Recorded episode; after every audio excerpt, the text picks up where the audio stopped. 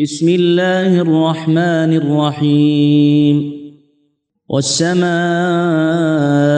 والطارق وما أدراك ما الطارق النجم الثاقب إن كل نفس لما عليها حافظ فلينظر الإنسان مما خلق خلق من ماء دافق يخرج من بين الصلب والترائب إنه على رجعه لقادر يوم تبلى السرائر فما له من ولا ناصر والسماء ذات الرجع والأرض ذات الصدع إنه لقول فصل وما هو بالهزل إنهم يكيدون كيدا وأكيد كيدا فمهل الكافرين أمهلهم رويدا بسم الله الرحمن الرحيم سبح اسم ربك الأعلى الذي خلق فسوى والذي قدر فهدى والذي أخرج المرعى فجعله غثاء أحوى. سنقرئك فلا تنسى إلا ما شاء الله. إنه يعلم الجهر وما يخفى. ونيسرك لليسرى. فذكر إن نفعت الذكرى. سيذكر من يخشى ويتجنبها الأشقى. الذي يصلى النار الكبرى. ثم لا يموت فيها ولا يحيا. قد أفلح من تزكى وذكر اسم ربه فصلى بل تؤثرون الحياة الدنيا والآخرة خير وأبقى إن هذا لفي الصحف الأولى صحف إبراهيم وموسى. الحمد لله رب العالمين والصلاة والسلام على أشرف الأنبياء والمرسلين نبينا محمد وعلى آله وأصحابه أجمعين. أما بعد فنتدارس إن شاء الله في هذا المجلس ما يتعلق بسورتي الطارق والأعلى. قال تعالى فيما يتعلق بسورة الطارق. أولا ما يتعلق بسورة الطارق هي سورة مكية. سورة مكية تسمى الطارق والسماء والطارق. ومعنى الطارق اسم فاعل من طرق بمعنى الداق والقارع. وأما المراد به فهو مفسر في الآيات مفسر في الآيات فهذا من تفسير القرآن بالقرآن. قال تعالى بسم الله الرحمن الرحيم والسماء والطارق وما أدراك ما الطارق؟ النجم الثاقب.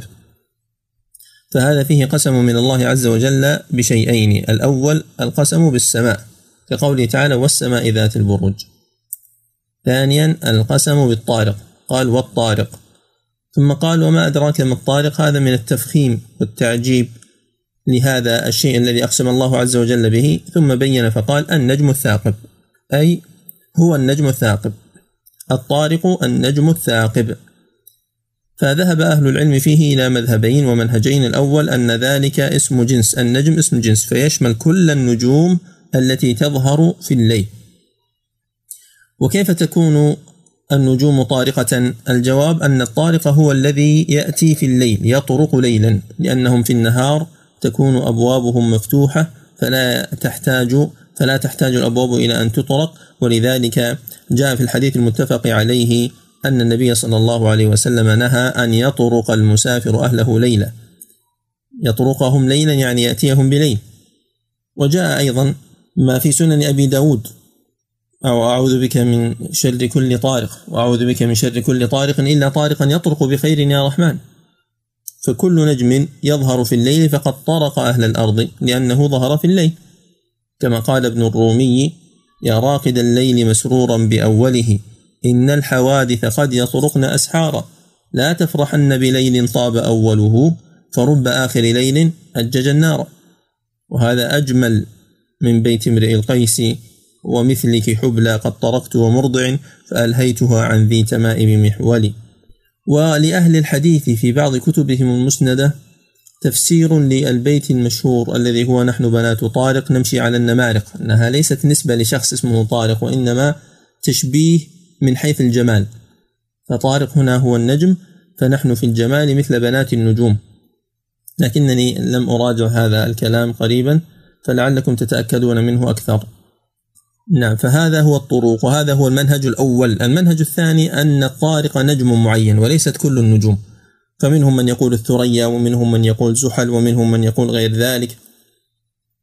وقد حضرت محاضرة أقيمت بجوار المسجد النبوي قبل عشرين سنة تقريبا فذكر الدكتور المختص في هذه المحاضرة أن هناك نجما في السماء يصدر إشعاعات قوية تطرق الأرض طرقا يعني هذه الإشعاعات تضرب الأرض تضرب الأرض وأن الله عز وجل حفظ الأرض من هذه الإشعاعات بما يسمى بالغطاء أو القشرة التي تحيط بالكرة الأرضية من طبقة الأوزون وغيرها من الطبقات. فهي تخفف هذا الطرق الذي قد يؤذي الإنسان لولا لطف الله عز وجل وتقديره. فكأنه يقول أن هذا النجم والله أعلم هو المراد لكن نحن نعلم أن هذا لم يكن معروفا باسمه أو بعينه أو بهذه الإشاعات لم تكن معروفة لدى العرب ومع ذلك كانوا يفهمون معنى هذا الكلام أن النجم الطارق يطرق الطرق المعتادة الذي فسر به المعنى الأول. وهذا أيضا لا ينفي أن يكون هذا الشيء الذي إذا ثبت ودل عليه الواقع لا ينفي أن يكون داخلا في الآية فإنه يطرق بالمعنيين جميعا. طيب بقي معنى الثاقب. الثاقب فيه معان منها الارتفاع والعلو. حكى الفر في كلام العرب ثقب الطائر إذا ارتفع وعلى ومنه الثاقب المضيء. المضيء يسمى ثاقبا أيضا. ومنه قوله تعالى فأتبعه شهاب ثاقب. إلا من خطف الخطفة فأتبعه شهاب ثاقب. أي فأتبعه شهاب مضيء. وقد يكون منه أيضا التوهج والحرارة. نعم. والقول بكونه عاما هذا منسوب إلى قتادة. والقول بالتخصيص جاء عن جمع من المفسرين منهم عبد الرحمن بن زيد وقال ابن عباس الجدي ونسب لعلي رضي الله عنه. ما هو المقسم عليه؟ والسماء والطارق. وما أدراك ما الطارق؟ النجم الثاقب. إن كل نفس لما عليها حافظ. هذا هو المقسم عليه. يعني إخبار أن كل نفس من الأنفس عليها حافظ. هذا الحافظ ذهب أكثر أهل العلم إلى أن المراد به الملائكة الذين يحفظون الأعمال. فكل نفس عليها حافظ من الله عز وجل. وحينئذ تتفق مع قوله تعالى وإن عليكم لحافظين كراما كاتبين يعلمون ما تفعلون. فهذه هي الملائكة وجها واحدا. ومع قوله تعالى إذ يتلقى المتلقيان عن اليمين وعن الشمال قعيد ما يلفظ من قول إلا لديه رقيب عتيد.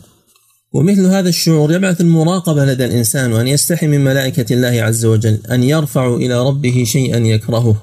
وقد أجمع العلماء كما نقل ابن رجب في كتابه جامع العلوم والحكم أن مع كل إنسان ملكين يكتبان أعماله. ودل على ذلك الآثار الكثيرة وإن كان المرفوع فيه نظر لكنه جاء عن الصحابة بأسانيد صحيحة. ثم القول الآخر أن الحافظ هو الله عز وجل فالله خير حافظا وهو أرحم الراحمين.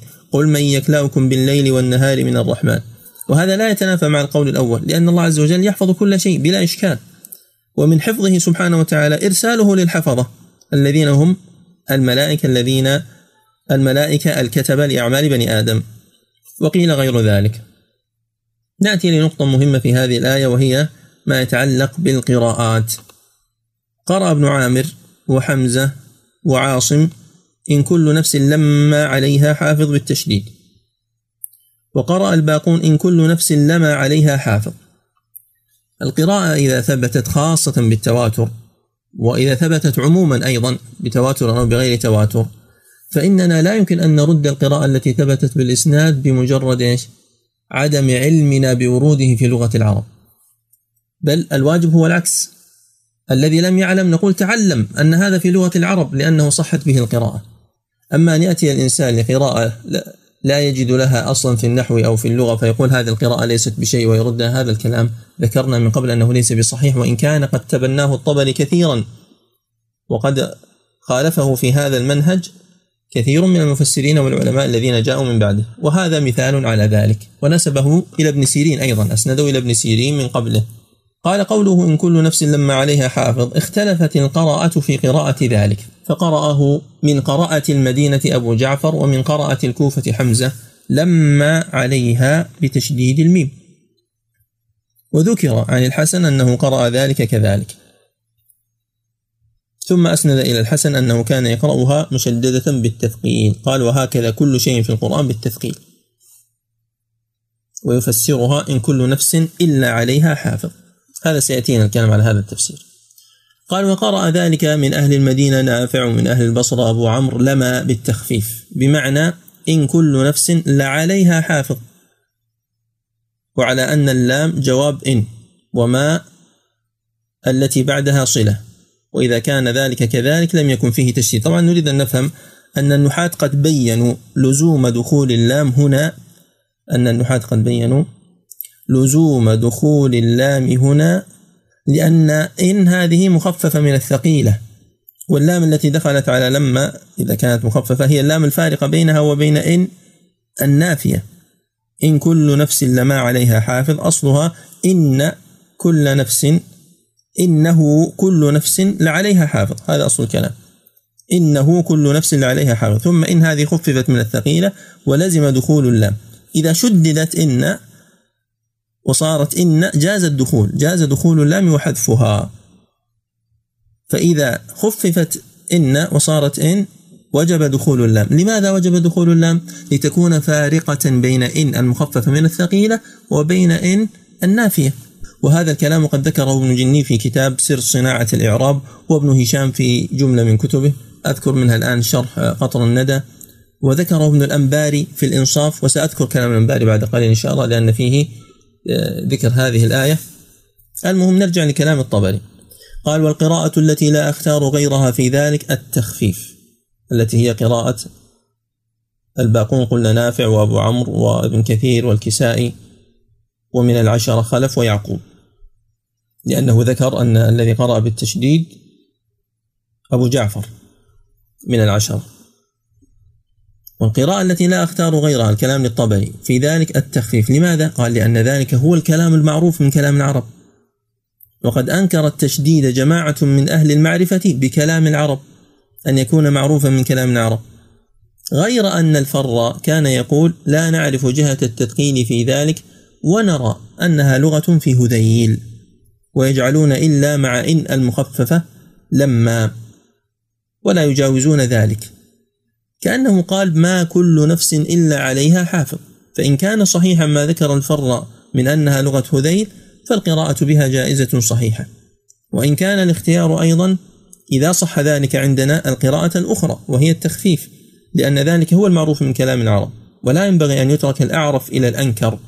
ثم أسند إلى ابن عون قال قرأت عند ابن سيرين إن كل نفس لما عليها حافظ فأنكره وقال سبحان الله سبحان الله. قال فتأويل الكلام إذن إن كل نفس لعليها حافظ من ربها يحفظ عملها ويحصي عليها ما تكتسب من خير وشر. هذا المعنى لا شك فيه. وهو آه، يعني تفسير الآية على تخفيف لما يعني ما كل نفس إلا عليها حافظ. آه، عفوا. إن كل نفس لعليها حافظ. إن كل نفس تكون إن مخففة من الثقيلة لعليها حافظ. طيب ما أين ذهبت ما يقولون ما هذه زائدة زيدت للتوكيد. طيب مذهب الكوفيين إن كل نفس إلا عليها حافظ هذا الذي رده ابن الأنباري. ابن الأنباري له كتاب اسمه الإنصاف في مسائل الخلاف بين النحويين والبصريين والكوفيين. طيب في المسألة التسعين طبعا عنوان المحقق لها القول في إن ومعنى اللام بعدها. هو كلام جميل صراحة أنا كنت أريد أن أقرأه كاملا لكن أخشى أن أطيل عليكم. المهم يقول إن الكوفيين ذهبوا إلى أن إن إذا جاءت بعدها اللام تكون بمعنى ما وتكون إلا وتكون آه نعم واللام بمعنى إلا. والبصريون ذهبوا إلى أنها مخففة من الثقيلة واللام التي بعدها لام التأكيد يعني لام الابتداء. لما ذكر قول الكوفيين واحتجاجهم بآيات من القرآن وببيت من الشعر ثم ذكر قول البصريين رجع وعطف على قول الكوفيين بأنه قول ليس بصحيح. طيب حتى يفهم الكلام نأخذ مثال. يستدل الكوفيون على أن على أن لما هنا بمعنى إلا بقوله تعالى وإن كادوا ليستفزونك من الأرض ليخرجوك منها. وإن يكاد الذين كفروا ليزلقونك بأبصارهم. إن كان وعد ربنا لمفعولا. بمعنى ما كان وعد ربنا إلا مفعولا. ما كادوا إلا يستفزونك. شلت يمينك إن قتلت لمسلما. كتبت عليك عقوبة المتعمد. يعني ما قتلت إلا مسلما. البصريون احتجوا بأنهم قالوا إنما قلنا إنها مخففة من الثقيلة لأن وجدنا لها في كلام العرب نظيرا. وأن أجمعنا على أنه يجوز تخفيف إن وإن اختلفنا وإن اختلفنا في بطلان عملها مع التخفيف. وقلنا إن اللام لام التأكيد لأن لها نظيرا في كلام العرب. وأما الآيات التي احتج بها الكوفيون وما أنشدوه فلا حجة لهم في ذلك لأنه محمول على ما ذهبنا إليه من أنها أيضا إن المخفف من الثقيلة واللام لام التأكيد. ما الدليل؟ أن إن التي بمعنى ما لا يجيء بعدها اللام. كما قال تعالى إن الكافرون إلا في غرور إن أنتم إلا تكذبون إن هذا إلا إفك افتراه. إذا إن هنا ليست نافية كما يقول الكوفيون وإنما هي مخففة من الثقيلة كما يقول البصريون. أتمنى أن يكون هذا الكلام واضحا. إن كل نفس لما عليها حافظ يحفظ عليها أعمالها ويكلأها فلينظر الإنسان مما خلق. طيب هل يمكن أن يكون معنى الحافظ هنا يحفظها؟ نقول إذا كان هذا هو المعنى فهو موافق لقوله تعالى له معقبات من بين يديه ومن خلفه يحفظونه من أمر الله يعني يحفظونه بأمر الله. فلينظر الإنسان مما خلق. هذا أمر منه سبحانه وتعالى بالنظر والتدبر والتفكر والاعتبار. أن يعمل الإنسان عقله فيما يزيد الإيمان. وأن يعمل الإنسان عقله يعمل الإنسان عقله في آيات الله عز وجل الكونية التي منها أصل خلقة الإنسان. مما خلق يعني من أي شيء خلق. ما هذه استفهامية حذفت منها الألف لدخول من الجارة. فيتوصل الإنسان بهذا التفكر وبهذا النظر إلى تقرير الوحدانية وزيادة الإيمان إذا كان مؤمنا وإن كان كافرا يتوصل به إلى الإيمان وإلى الدخول في هذا الدين الحق. وهذه اللام لام الأمر فهل معنى ذلك أنه لا يدخل الإنسان في الإسلام إلا بالنظر وأن هذا أول واجب على المكلف؟ نقول الجواب لا. بل ذكر أبو جعفر السمناني أن هذه بقية بقيت على أبي الحسن الأشعري من مذهب المعتزلة. يعني أصلا ليست على قواعد الأشاعرة. وأن أول واجب على المكلف هو التوحيد بالنصوص الواضحة وليكن أول ما تدعوهم إليه شهادة لا إله إلا الله وأن محمد رسول الله. وما دعا النبي صلى الله عليه وسلم أحدا ممن كان كافرا إلى النظر وإنما كان يدعوهم إلى الإسلام وإلى الشهادة. يا عم كلمة أحاج لك بها عند الله. لا إله إلا الله. إذا هذا الأمر ما الجواب عنه؟ نقول أصلا ما الدليل عليه حتى يكون عنه جواب؟ هل في الآية ربط للإسلام بالنظر؟ أم هو أمر مطلق؟ هذا أولا. ثانيا هل الخطاب هنا موجه للكافر؟ فلينظر الكافر مما خلق. أو هو عام جنس الإنسان ينظر مما خلق. التفسير الذي اخترناه وبيناه هو عام والكافر داخل فيه لكن لا تخصيص له على القول الراجح. ثالثا كيف يمكن أن تفسر الآية بمعنى لا يتوافق مع الكتاب والسنة؟ يعني لا يتوافق مع فعل النبي عليه الصلاة والسلام وفعل الصحابة والسلف من بعده عدم دعوة الناس إلى النظر. أقصد للدخول في الإسلام وليس عدم دعوتهم إلى النظر يعني التفكر والاعتبار. فلينظر الإنسان مما خلق. جاء الجواب في الآية التي بعدها خلق من ماء دافق. خلق الإنسان من المني ووصف المني بكونه ماء دافقا أي ماء صابا. يصب ماذا؟ ماء صابا لما يحتويه من الحيوانات المنوية وغير ذلك في رحم المرأة. إذا جعلنا دافق على وجهه بأنه اسم فاعل وإذا ذهبنا إلى ما ذهب إليه كثير من المفسرين أنه فاعل بمعنى مفعول فهو ماء دافق بمعنى ماء مدفوق أي مصبوب يصبه الإنسان في الرحم. كما يقال عيشة راضية بمعنى مرضية سر كاتم بمعنى مكتوم ونحو ذلك ونحو ذلك. فكون الإنسان خلق من هذا الماء الدافق يجعله يتواضع ولا يتكبر. فإن الله عز وجل جعل مبدأ خلقه من شيء كما وصفه سبحانه بنفسه مهين يعني حقير. يستحقره الإنسان إذا رآه ومع ذلك هو طاهر. فليس معنى الاستحقار أن يكون نجسا أو خبيثا أو تشمئز منه النفس وإنما هو أصل الأنبياء والأولياء كما أنه أصل جنس الإنسان الذي كرمه الله عز وجل. لقد كرمنا بني آدم وحملناهم في البر والبحر ورزقناهم من الطيبات. قال القرطبي عن عكرمة عن ابن عباس دافق لزج دافق لزج يخرج من بين الصلب والترائب. يخرج يظهر والفاعل هو. إما أن يرجع إلى الماء كما ذكر عامة المفسرين وإما أن يرجع إلى الإنسان الذي خلق من ذلك الماء فلينظر الإنسان. من بين الصلب والترائب والصلب والصلب والصلب والصالب ثقار الظهر أو أسفل الظهر.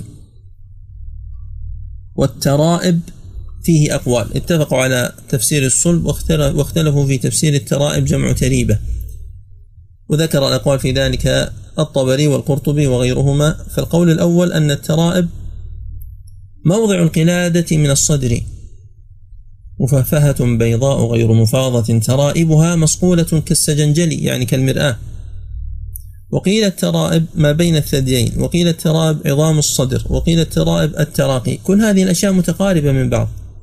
كأنه موضع واحد يمكن أن يوصف كله بأنه الترائب أضلاع الصدر أو الصدر أو ما بين الثديين. وقال معمر بن أبي حبيب المدني الترائب عصارة القلب ومنه يكون الولد كما رواه الطبري. والمشهور من كلام العرب أنها عظام الصدر والنحر. ثم هل المراد صلب الرجل وترائب الرجل وصلب المرأة وترائب المرأة أو صلب الرجل وترائب المرأة؟ أيضا كلا القولين قد قيل بهما. وقد فسره الطبري وغيره بأنه يخرج من الصلب والترائب. يعني أن هذا الماء الذي هو المني يخرج من الصلب والترائب.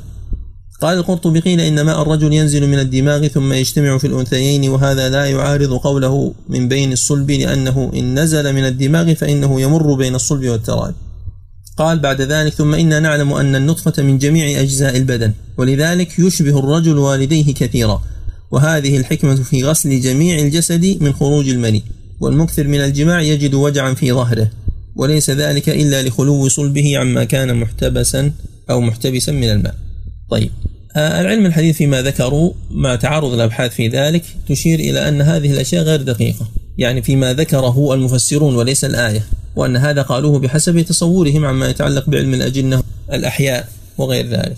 سمعت الشيخ عطية محمد سالم ينقل عن بحث في مناقشته لأحد المشايخ الفضلاء أننا لو شرحنا الإنسان جزءا جزءا ذرة ذرة لما وجدنا في قطرة مني واحدة وأن هذا المني يتخلق بإذن الله عز وجل عند العملية عملية المباشرة والجماع. الأبحاث الأخرى تقول بأنه يتكون في الخصيتين. فتكونه في الخصيتين هذا شيء ليس قريبا من الترائب ولا قريبا من الصلب. فنقول إنما جاء الإشكال من إلغاء كلمة بين في تفسير هذه الآية. يعني هم فسروا الآية بأنه يخرج الماء من الصلب والترائب. أين ذهبت كلمة بين؟ فإذا نظرت إلى هذه الكلمة زال عنك الإشكال بين ما توصل إليه الآن العلم الحديث وبين ما هو مذكور في كتب التفسير أو ما دلت عليه الآية قبل ذلك. لا إشكال في معنى الصلب والترائب من حيث المفردات.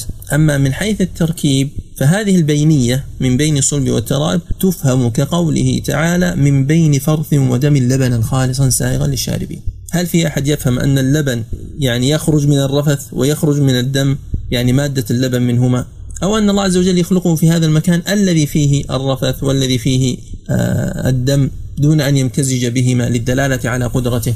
فكذلك هنا الدلالة على القدرة من حيث أن هذا الماء خرج من هذا الجسد من بين صلب وترائب. من بين صلب وترائب. يعني ليس المقصود أنه خرج منهما.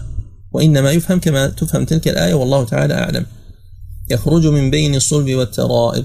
إنه على رجعه لقادر. يعني إن الله عز وجل على إعادة الإنسان حيا بعد أن يموت لقادر وقدير سبحانه وتعالى ومقتدر. وقيل على رجع هذا الماء وإعادته في الإحلال بعد أن خرج إن الله عز وجل قادر على ذلك. والأول هو الأشهر قول ابن عباس وقتادة والحسن وعكرمة والطبري وقال الثعلبي إنه الأقوى. إنه على رجعه لقادر. متى؟ يوم تبلى السرائر. يوم تبلى السرائر. وهنا يأتي سؤال البحث. يوجد آية في كتاب الله عز وجل ما بين سورة الطارق وسورة وسورة الناس فيها هذا المعنى يوم تبلى السرائر. فما هي هذه الآية؟ وكان السؤال في المجلس الماضي في سورة البروج لماذا خص الله عز وجل ثمود وفرعون بالذكر في سورة البروج؟ وقد أرسلني بعضكم جوابا من تفسير الواحد وهو جواب جميل صحيح لكنه مختصر. وقد بسط الكلام على ذلك عطية محمد سالم في إكماله لأضواء البيان. وهو كلام جيد نذكره الآن. قال وفي اختيار فرعون هنا بعد أصحاب الأخدود لما بينهما من المشاكلة والمشابهة. إذ فرعون طغى وادعى الربوبية. كملك أصحاب الأخدود الذي قال لجليسه لك رب غيري. ولتعذيبه بني إسرائيل بتقتيل الأولاد واستحياء النساء. وفي ذلك بلاء من ربكم عظيم. ولتقديم الآيات والبراهين على صدق الداعية. إذ موسى عليه السلام قدم لفرعون من آيات ربه الكبرى فكذب وعصى. والغلام قدم لهذا الملك الآيات الكبرى إبراء الأكمة والأبرص بإذن الله. وأشياء أخرى لكن هو اختصر وعجز فرعون عن موسى وإدراكه وعجز الملك عن قتل الغلام. إذ نجاه الله من الإغراق والدهدهة من قمة الجبل. فكان لهذا أن يرعوي عن ذلك ويتفطن للحقيقة لكن سلطانه أعماه كما أعمى فرعون. وكذلك آمن السحرة لما رأوا آية موسى وخروا لله سجدا وهكذا هنا آمن الناس برب الغلام. فوقع الملك فيما وقع فيه فرعون. إذ جمع فرعون السحرة ليشهد الناس عجز موسى وقدرته فانقلب الموقف عليه. هنا عندما جمع الملك أراد أن يشهد الناس أنه أقوى من هذا الغلام وأنه الذي سيقتله فانقلب الأمر عليه. وكان أول الناس إيمانا هم أعوان فرعون على موسى وهكذا هنا أسرع الناس إيمانا لما جمعه الملك ليشهد قتله للغلام. فظهر تناسب ذكر فرعون دون غيره من الأمم الطاغية السابقة. وإن كان في الكل عظة وعبرة لكن هذا منتهى الإعجاز في قصص القرآن وأسلوبه والله تعالى أعلم. وكذلك ثمود لما كان منهم من مظاهر القوة والطغيان وقد جمعهم الله عز وجل في سورة الفجر أيضا فقال ثمود الذين جابوا الصخر بالواد وفرعون ذي الأوتاد. وهكذا جمعهما هنا فرعون وثمود. قد يكون وجه الشبه أن ثمود ماذا فعلوا في الجبال؟ مكنهم الله عز وجل من نحت الجبال وكذلك هؤلاء خدوا الأخاديد في الأرض. لكن أولئك نحتوها تكبرا وتعاظما وتعاليا وهؤلاء نحتوها تعذيبا للمؤمنين. نحتوا الأرض مقابر وشقوها أخاديد. يوم تبلى السرائر يعني يوم تفتضح وتظهر وتمتحن وتختبر. السرائر جمع سريرة وهي المخبآت والأعمال التي كان يخفيها الإنسان عن الأعين والاعتقادات التي كان يضمرها الإنسان والنوايا والظنون وأعمال القلوب هذه السرائر التي كانت في الدنيا تبلى وتختبر يوم القيامة. فمن كانت سريرته حسنة فإنه يبشر بهذا ويفرح كثيرا. هاؤم اقرأوا كتابيه وأما من كانت سريرته سيئة فإنه يسوءه ذلك أكثر عندما يفتضح على رؤوس الأشهاد. وعندما ذكر القرطبي هنا بيتا للاستشهاد على هذه الكلمة قال قال الراجز قد كنت قبل اليوم تزدريني فاليوم أبلوك وتبتليني. قال المحقق ذكره الشوكاني في فتح القدير. طبعا الشوكاني في فتح القدير ما ذكره إلا من هنا يعني من تفسير القرطبي. فهذا توثيق مقلوب لأن فتح القدير عبارة عن اختصار لكتابين كتاب الدر المنثور للسيوطي وكتاب الجامع للقرطبي. فهو اختصار لهذين الكتابين. فاليوم أبلوك وتبتليني أي أعرفك وتعرفني. فما كان يفعله الإنسان فإنه يبلى ويظهر. ويدخل في ذلك ما يتعلق بالصلاة وما يتعلق بالصوم وما يتعلق بغسل الجنابة لأن هذه من الأمانة كما سبق في آخر سورة الأحزاب وفي غيرها. الله عز وجل يبتلي العباد. يستطيع الإنسان أن يغسل بعض الأعضاء أو لا يتوضأ أصلا ويصلي بين الناس. ويستطيع أن يدعي أنه صلى وهو لم يصلي ويستطيع أن يظهر للناس أنه لا يأكل ويشرب فإذا خلا أكل وشرب. فهذه الأعمال هي من الأمانة وكذلك مما يدخل في الأمانة ما يتعلق بالمرأة فيما يتعلق بعدتها في حيضها وحملها ويتعلق بنحو ذلك مما ونحو ذلك من الأحكام. فقد تقول حقت وهي لم تحض وقد تكون غير ذلك تدعيه كاذبة. فتصدق لأن الأصل هو عدم الكشف وإنما يؤخذ بقولها إلا إذا كان هناك شك وريبة. قال ابن عمر يبدي الله يوم القيامة كل سر خفي فيكون زينا في الوجوه وشينا في الوجوه كما ذكره الواحدي والبغوي والقرطبي. فهذه العلامات يجعلها الله عز وجل من ضمن الجزاء. بلو السرائر يوم القيامة من الجزاء. فما له من قوة ولا ناصر يعني ليس للإنسان من قوة تعينه وتمنع عنه ولا من ناصر يمنع عنه عذاب الله عز وجل أو هول يوم القيامة. ثم أقسم سبحانه وتعالى فقال والسماء ذات الرجع. يعني والسماء ذات المطر. سمي رجعا لأنه يعود ويؤوب ويأتي شيئا بعد شيء. وقيل والسماء ذات الملائكة التي ترجع إلى السماء بأعمال العباد. والأرض ذات الصدع يعني ذات الشق. وهذا التصدع والانشقاق إنما يكون لخروج النبات منها. كما قال تعالى أنا صببنا الماء صبا ثم شققنا الأرض شقا. فليس تصدعا بسبب اليبس لأنه ذكر بعد نزول المطر وإنما هو تصدع بسبب ظهور النبات وخروجه فإنه يصدع الأرض ليخرج. وهذا يراه الإنسان إذا خرج في البرية واضحا. ما حول النباتات متصدع متشقق. قال مجاهد والأرض ذات الطرق التي تصدعها المشاة. وقيل ذات الحرث وقيل ذات الأموات لانصداعها عنهم للنشور. إنه لقول فصل. هذا هو جواب القسم هذا هو المقسم عليه. إنه عود الضمير في ثلاثة أقوال. إنه يعني هذه السورة وما تقدم فيها. أو إنه أي هذا القرآن. لقول فصل. نعم هذان الاحتمالان. وهذا الظاهر أنه هذا القرآن. إن هذا القرآن لقول فصل أي جد حكم يفصل بين العباد ويحكم بينهم. كما جاء في الحديث الذي في إسناده الحارث الأعور وهو ضعيف عن علي مرفوعا في وصف هذا القرآن أنه فيه خبر من قبلكم وحكم ما بينكم ونبأ ما بعدكم. هو الفصل ليس بالهزل.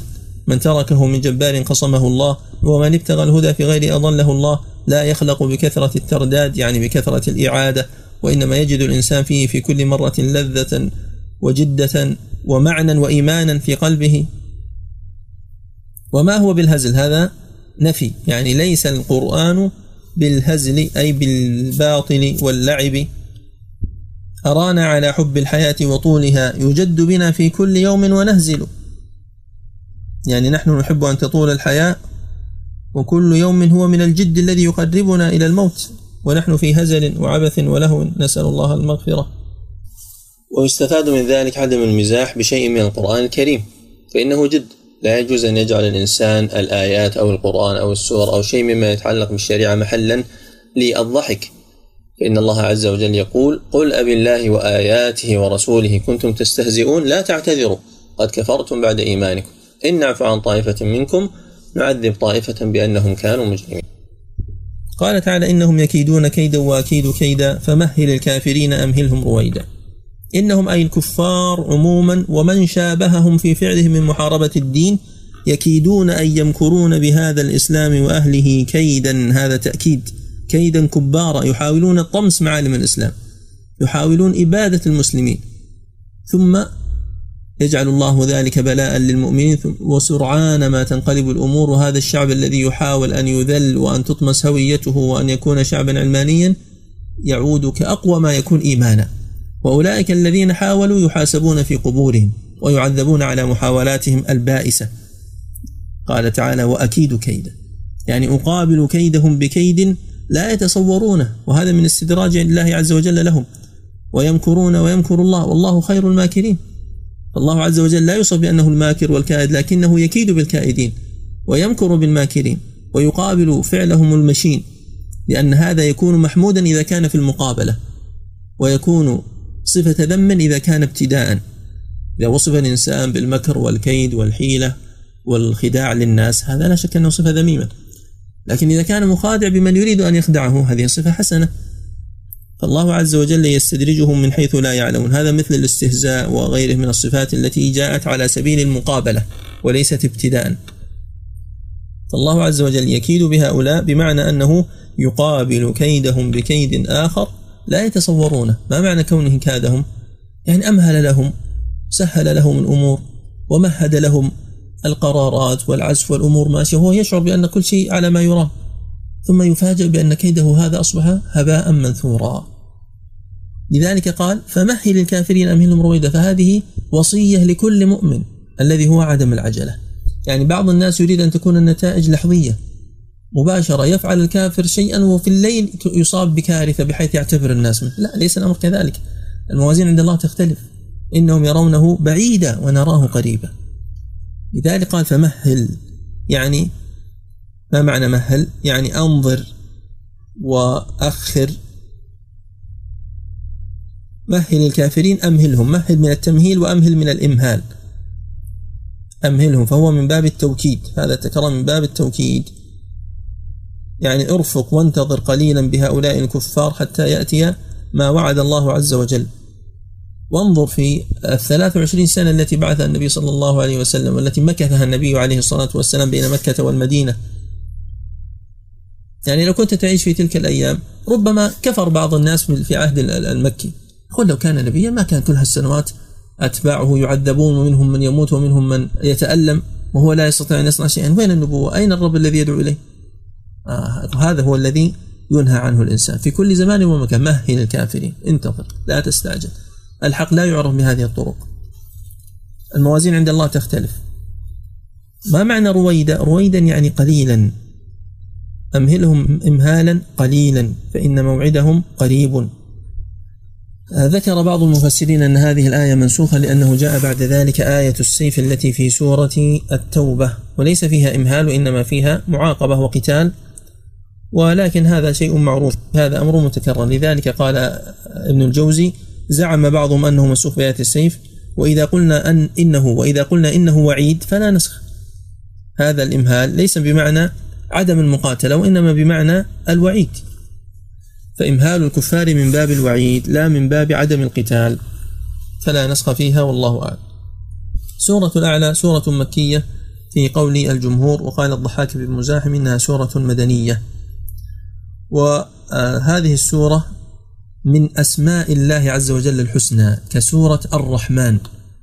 الأعلى والرحمن من الأسماء الحسنى. والأعلى جاء على وزن الأفعل مثل الأكرم في سورة العلق. واقتران هذه السورة بالغاشية جاء في موضعين. الموضع الأول في صحيح مسلم أن النبي صلى الله عليه وسلم كان يقرأ في صلاة الجمعة وفي العيد في الركعة الأولى سبح اسم ربك وفي الثانية هل أتاك حديث الغاشية؟ وبعض أئمة التفسير في زماننا عندما تأمل خرج بمعنى لطيف وبمناسبة جميلة لكن هذه سنذكرها بعد قليل. الموضع الثاني أن يقرأه الإنسان في آخر الوتر. إذا أوتر بثلاث ركعات أو آخر ثلاث ركعات من وتره سواء كان بتسليمة أو تسليمتين فإنه جاء في حديث أبي بن كعب الذي رواه الخمسة إلا الترمذي فيما أذكر الآن وهو حديث صحيح أن النبي صلى الله عليه وسلم قرأ بسبح والكافرون وقل هو الله أحد.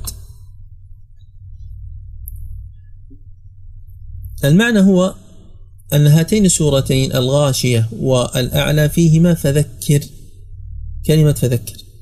في الأعلى فذكر إن نفعت الذكرى وفي الغاشية فذكر إنما أنت مذكر.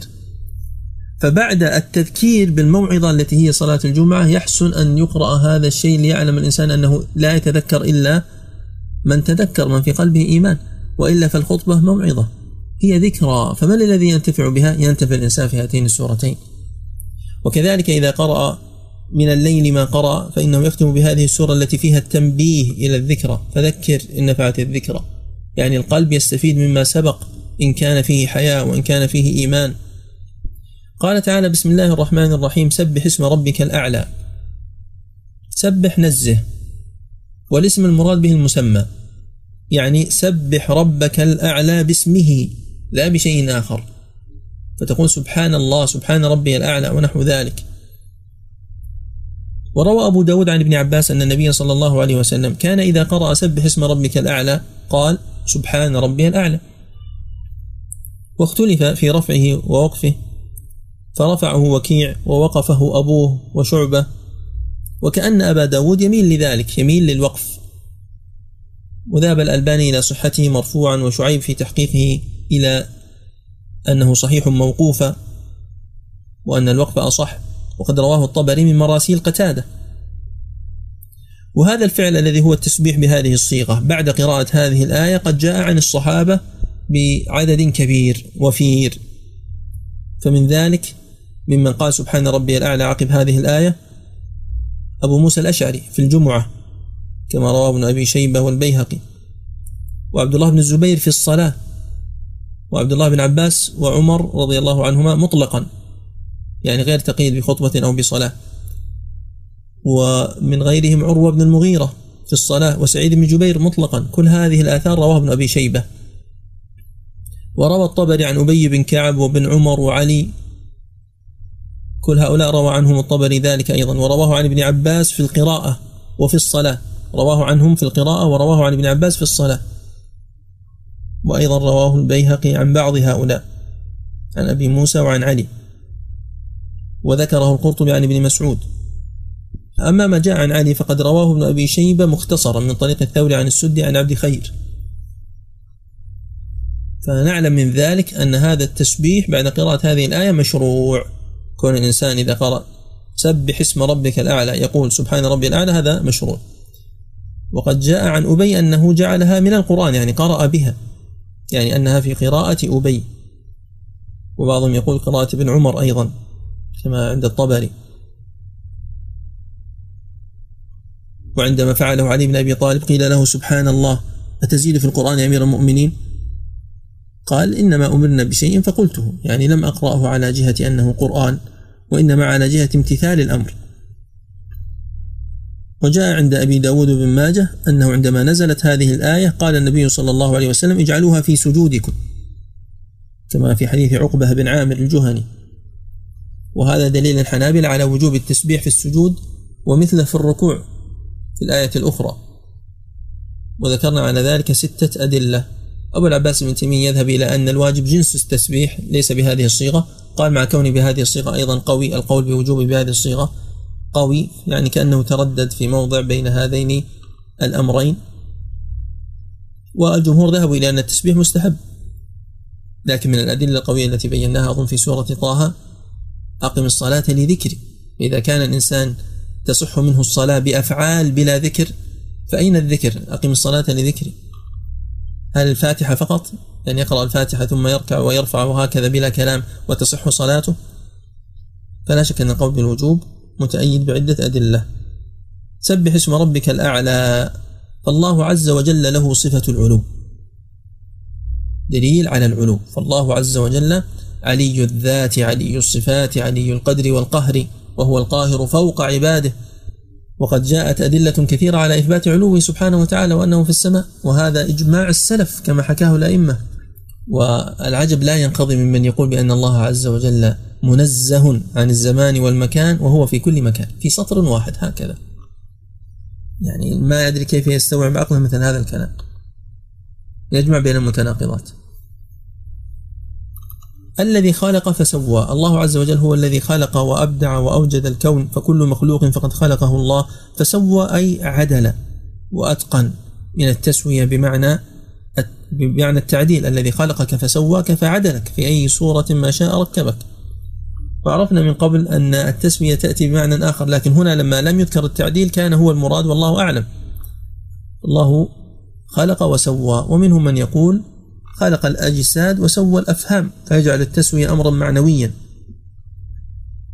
والذي قدر فهدى قدر من التقدير بمعنى أن كل شيء في هذا الكون قد علمه سبحانه وتعالى وقد شاءه قبل أن يقع وكتبه وقد خلقه بإيجاده له.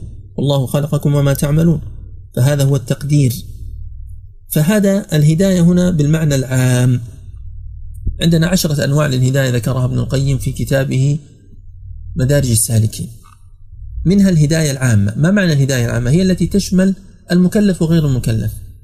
هدى الله عز وجل النمل ما الذي تصنع لتحفظ قوتها وكيف تتصرف. هدى الحيوانات والبهائم كيف تعرف معيشتها وتجتنب ما يضرها. هدى الله عز وجل هذا الكون بما فيه من أفلاك ومجرات كيف تسير وكيف تدور. هدى الله عز وجل الإنسان من حين يولد. إذا جاع أن يبكي وإذا قرب منه الثدي أن يلتقم. الله عز وجل هدى الهداية العامة هذه الهداية العامة التي يشترك فيها كل شيء. حتى ترفع الفرس حافرها عن ولدها خشية أن تطأ كما جاء في الحديث. لذلك جاء عن ابن عباس والسدي ومقاتل والكلبي عرف الخلق كيف يأتي الذكر والأنثى. هذا داخل في الهداية العامة. الذي أعطى كل شيء خلقه ثم هدى. ثم تأتي الهداية هداية التوفيق والإلهام وهداية الدلالة والإرشاد وهداية أهل الجنة إلى منازلهم في الجنة وهداية أهل النار إلى منازلهم في النار. كل هذه من أنواع الهدايات والهداية الخاصة بالأنبياء والرسل. والذي أخرج المرعى أي أظهر وأنبت وأخرج من الأرض وأبرز من الأرض ما يرعاه الناس بمعنى يأكلونه يرعاه الناس وترعاه الدواب وهو الكلأ. كما قال زفر بن الحارث الكلابي في أيام الفتنة في بني أمية وعندما حصل القتال وحصلت المعارك قال يذهب يوم واحد إن أسأته بصالح أعمالي وحسن بلائي. وقد ينبت المرعى على دمن الثرى وتبقى حزازات النفوس كما هي. أريني سلاحي لا أبا لك إنني أرى الحرب لا تزداد إلا تماديا. الشاهد وقد ينبت المرعى على دمن الثرى فهذا المرعى الذي هو النبات الذي يرعى بمعنى يؤكل سواء كان آكله من البشر أو من البهائم إخراجه من آيات الله عز وجل التي تحتاج إلى تأمل. وإعمال للذهن والفكر وإحياء للقلب. فجعله غثاء أحوى يعني جعل هذا المرعى وهذا النبات الأخضر غثاء والغثاء ما جف من النبت ويبس كما قال الطبري وقال القرطبي الغثاء ما يقذف به السيل على جوانب الوادي من الحشيش والنبات والقماش. كأن ذرى المجيمن كأن إيش؟ كأن ذرى رأس المجيمن غدوة. المجيمن هذا جبل. كأن ذرى رأس المجيمن غدوة من السيل والأغثاء فلكة مغزل يعني اجتمعت الأشياء على رأسه حتى استدارت وتكثفت وتراكمت. فجعله غثاء أحوى أي أسود متغير. من الحوة بمعنى السواد اللمى واللعس والحوة بمعنى واحد متقارب وهو السواد في الشفة. فهو جعل هذا المرعى بعد أن كان أخضر يميل إلى السواد بسبب الجفاف واليبس. وكذلك الإنسان إذا كبر تجف أعضاؤه وتذهب نضارته وبهجته ويبيض شعره ويصبح كهذا النبات. فخذ العبرة وخذ الآية منها. أليس الذي أحياها بعد أن أصبحت غثاء أحوى قادرا على أن يحيي هذا الإنسان بعد أن يوضع في رمسه ويرمس في قبره؟ سنقرئك فلا تنسى. الخطاب هنا للنبي صلى الله عليه وسلم. وإقراؤه هو إقراؤه القرآن. بسم الله الرحمن الرحيم. اقرأ باسم ربك الذي خلق. نقرئك أي نجعلك تقرأ القرآن. ونعلمك لأن القراءة التعليم يا معشر القراء يا ملح البلد. من يصلح الناس إذا الملح فسد؟ القراء هنا هم المتعلمون. فلا تنسى لا هذه لو كانت ناهية نهي له عن النسيان لكان فيها أمران. الأول تكليف ما لا يطاق لأن النسيان ليس في طوق الإنسان. ويجاب عن هذا لأنه إذا قيل للإنسان لا تنسى كذا معناه تعاهده. تعاهده حتى لا تدخل في حيز الملام بالنسيان. ثانيا وهذا الذي لا مناص منه في كونها ليست ناهية أنها لو كانت ناهية لحذفت الألف لا تنسى فيكون فعل مضارع مجزوم بحذف الألف. فلما أثبتت الألف علمنا أن لا هذه ليست ناهية وإنما هي نافية يعني بمعنى لن تنسى إلا ما شاء الله أن تنساه فهذا هو ما نسخ. ما ننسخ من آية أو ننسها نأتي بخير منها أو مثلها.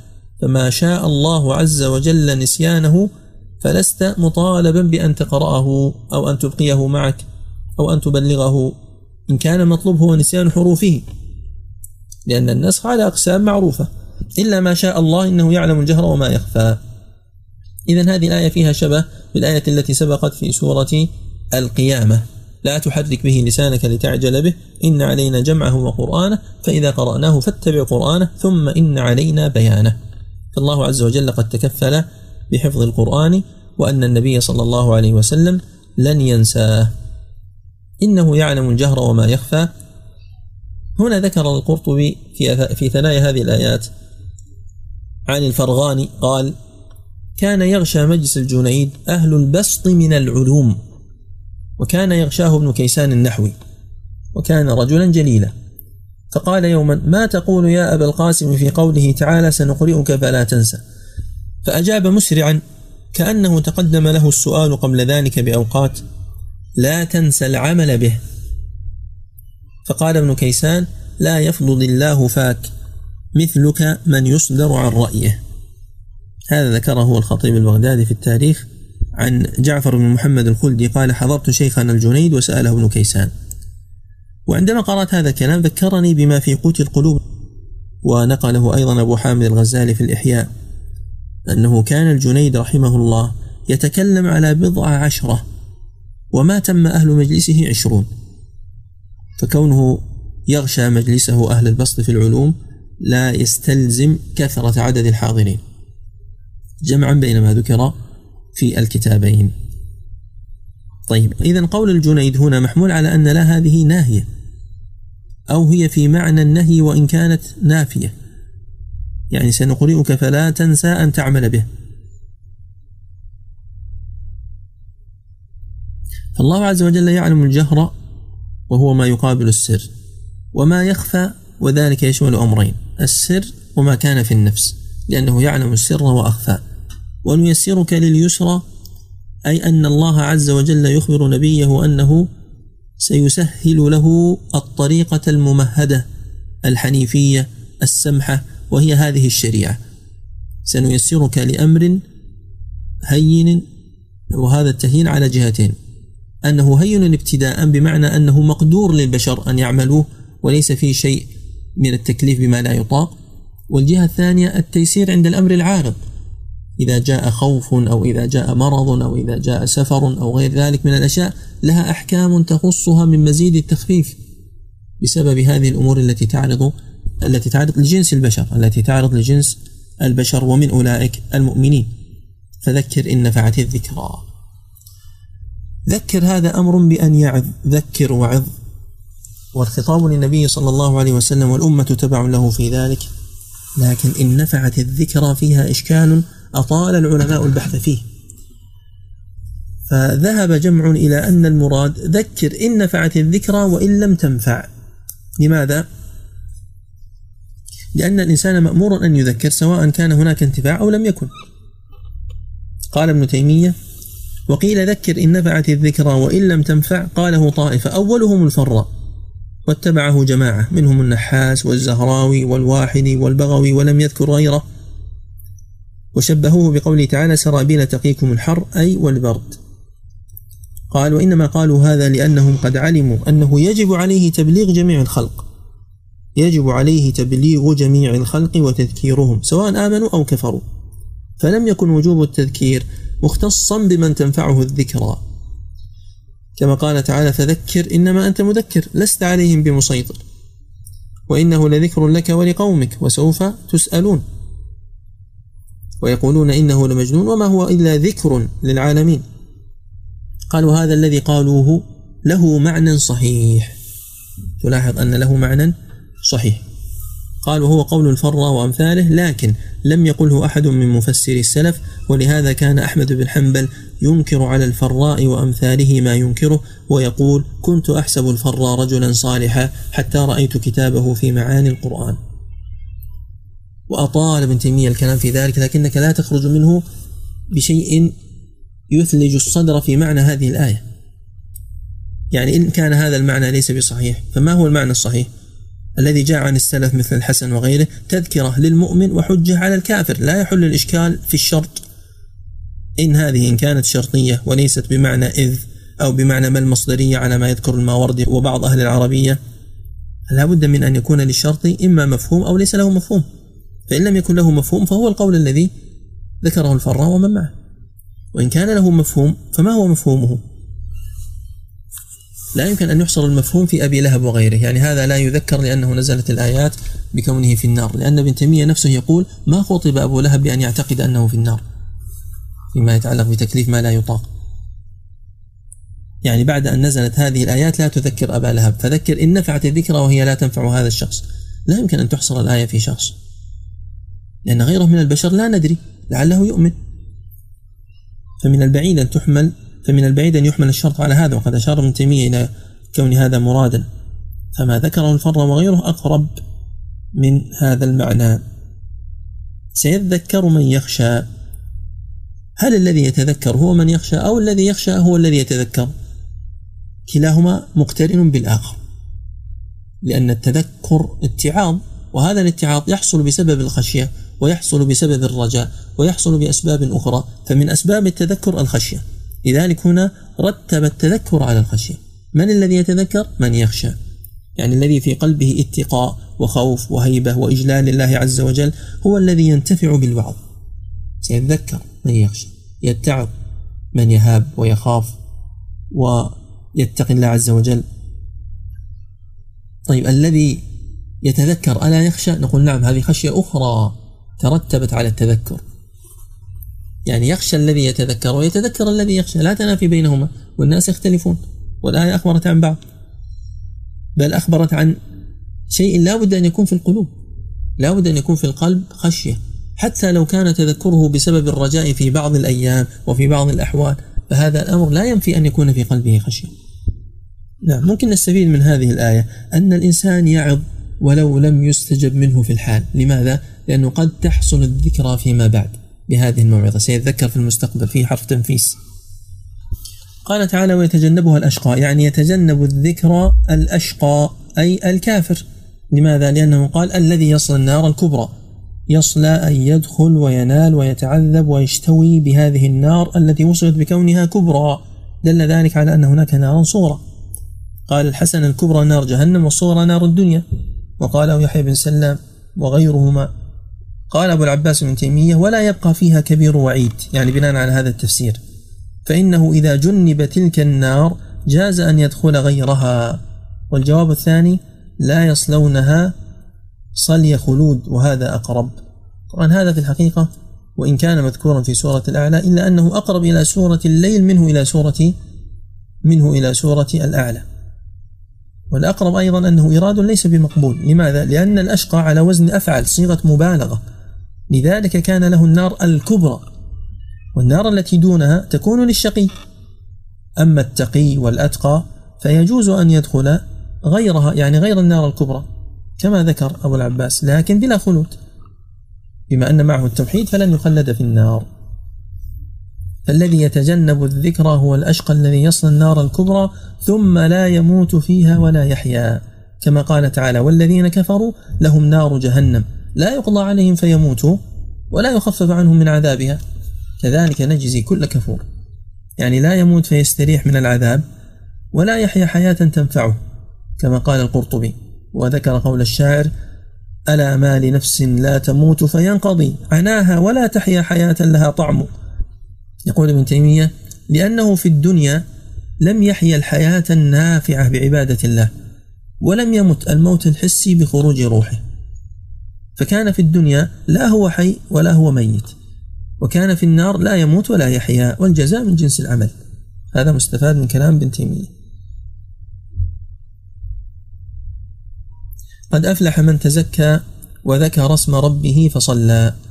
ذكر بعض العلماء أن هذا المراد به زكاة الفطر.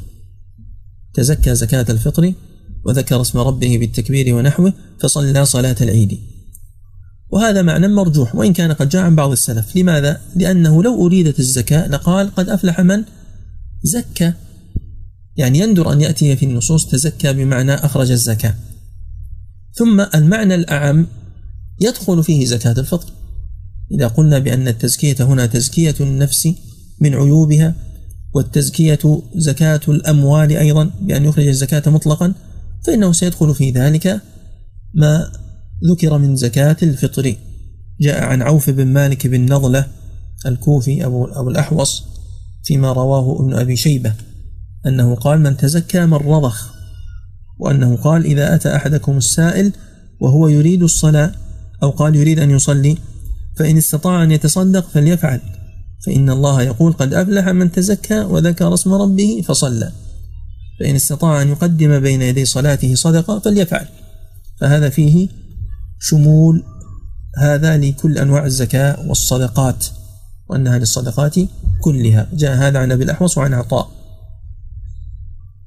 فإذا حمل على المعنى الأعم الذي هي تزكية النفوس وتطهيرها من كل العيوب من العجب والغرور والرياء ونحو ذلك فإن هذا أيضا معنى حسن. وقد يقال بأنه لا تنافي بينهما والله أعلم. والحديث المرفوع الذي ورد في هذه الآية عند البزار وابن خزيمة فيه فيه ضعف. ويتجنبها الأشقى قد أفنى من ذكر اسم ربه فصلى فصلى الصلاة عموما. ذكر الله عز وجل بجميع أنواع الذكر مما يدعو إلى أن يصلي. لذلك ربط بينهما بالفاء. الذي يقوم في قلبه تعظيم الله عز وجل يقوم إلى الصلاة بين يديه. وهل المراد بذكر اسم الله هنا التكبير؟ الجواب أن التكبير جزء من الصلاة. فصلى يدخل فيه فصلى فكبر تكبيرة الإحرام وصلى. وهذا أحسن من أن يقال ذكر اسم ربه فصلى أي كبر تكبيرة الإحرام فصلى. بل تؤثرون الحياة الدنيا والآخرة خير وأبقى.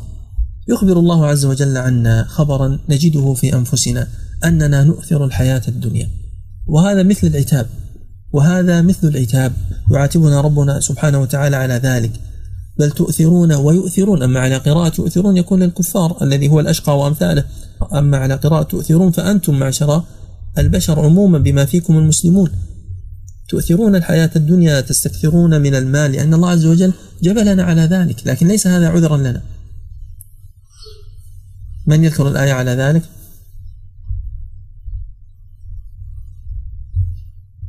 وإنه لحب الخير لشديد. الإنسان لحب الخير التي هي هذه الحياة الدنيا وما ظهر منها من النعيم والطيبات والملذات والبهجة. يحبه الإنسان لكن الإشكال فيما بعد ذلك والآخرة خير وأبقى. الإيثار الإيثار إيثار الدنيا يكون على ماذا؟ إيثار الدنيا يكون على الآخرة. هذا هو العيب. وهنا تأتي العبارة الجميلة التي نقلها القرطبي التي ينبغي أن تحفظ عن مالك بن دينار. قال لو كانت الدنيا من ذهب يفنى والآخرة من خزف يبقى. الدنيا من ذهب شيء خالص. يعني فعلا نعيم نعيم. ما تستطيع أن تقول فيه ليس كذلك.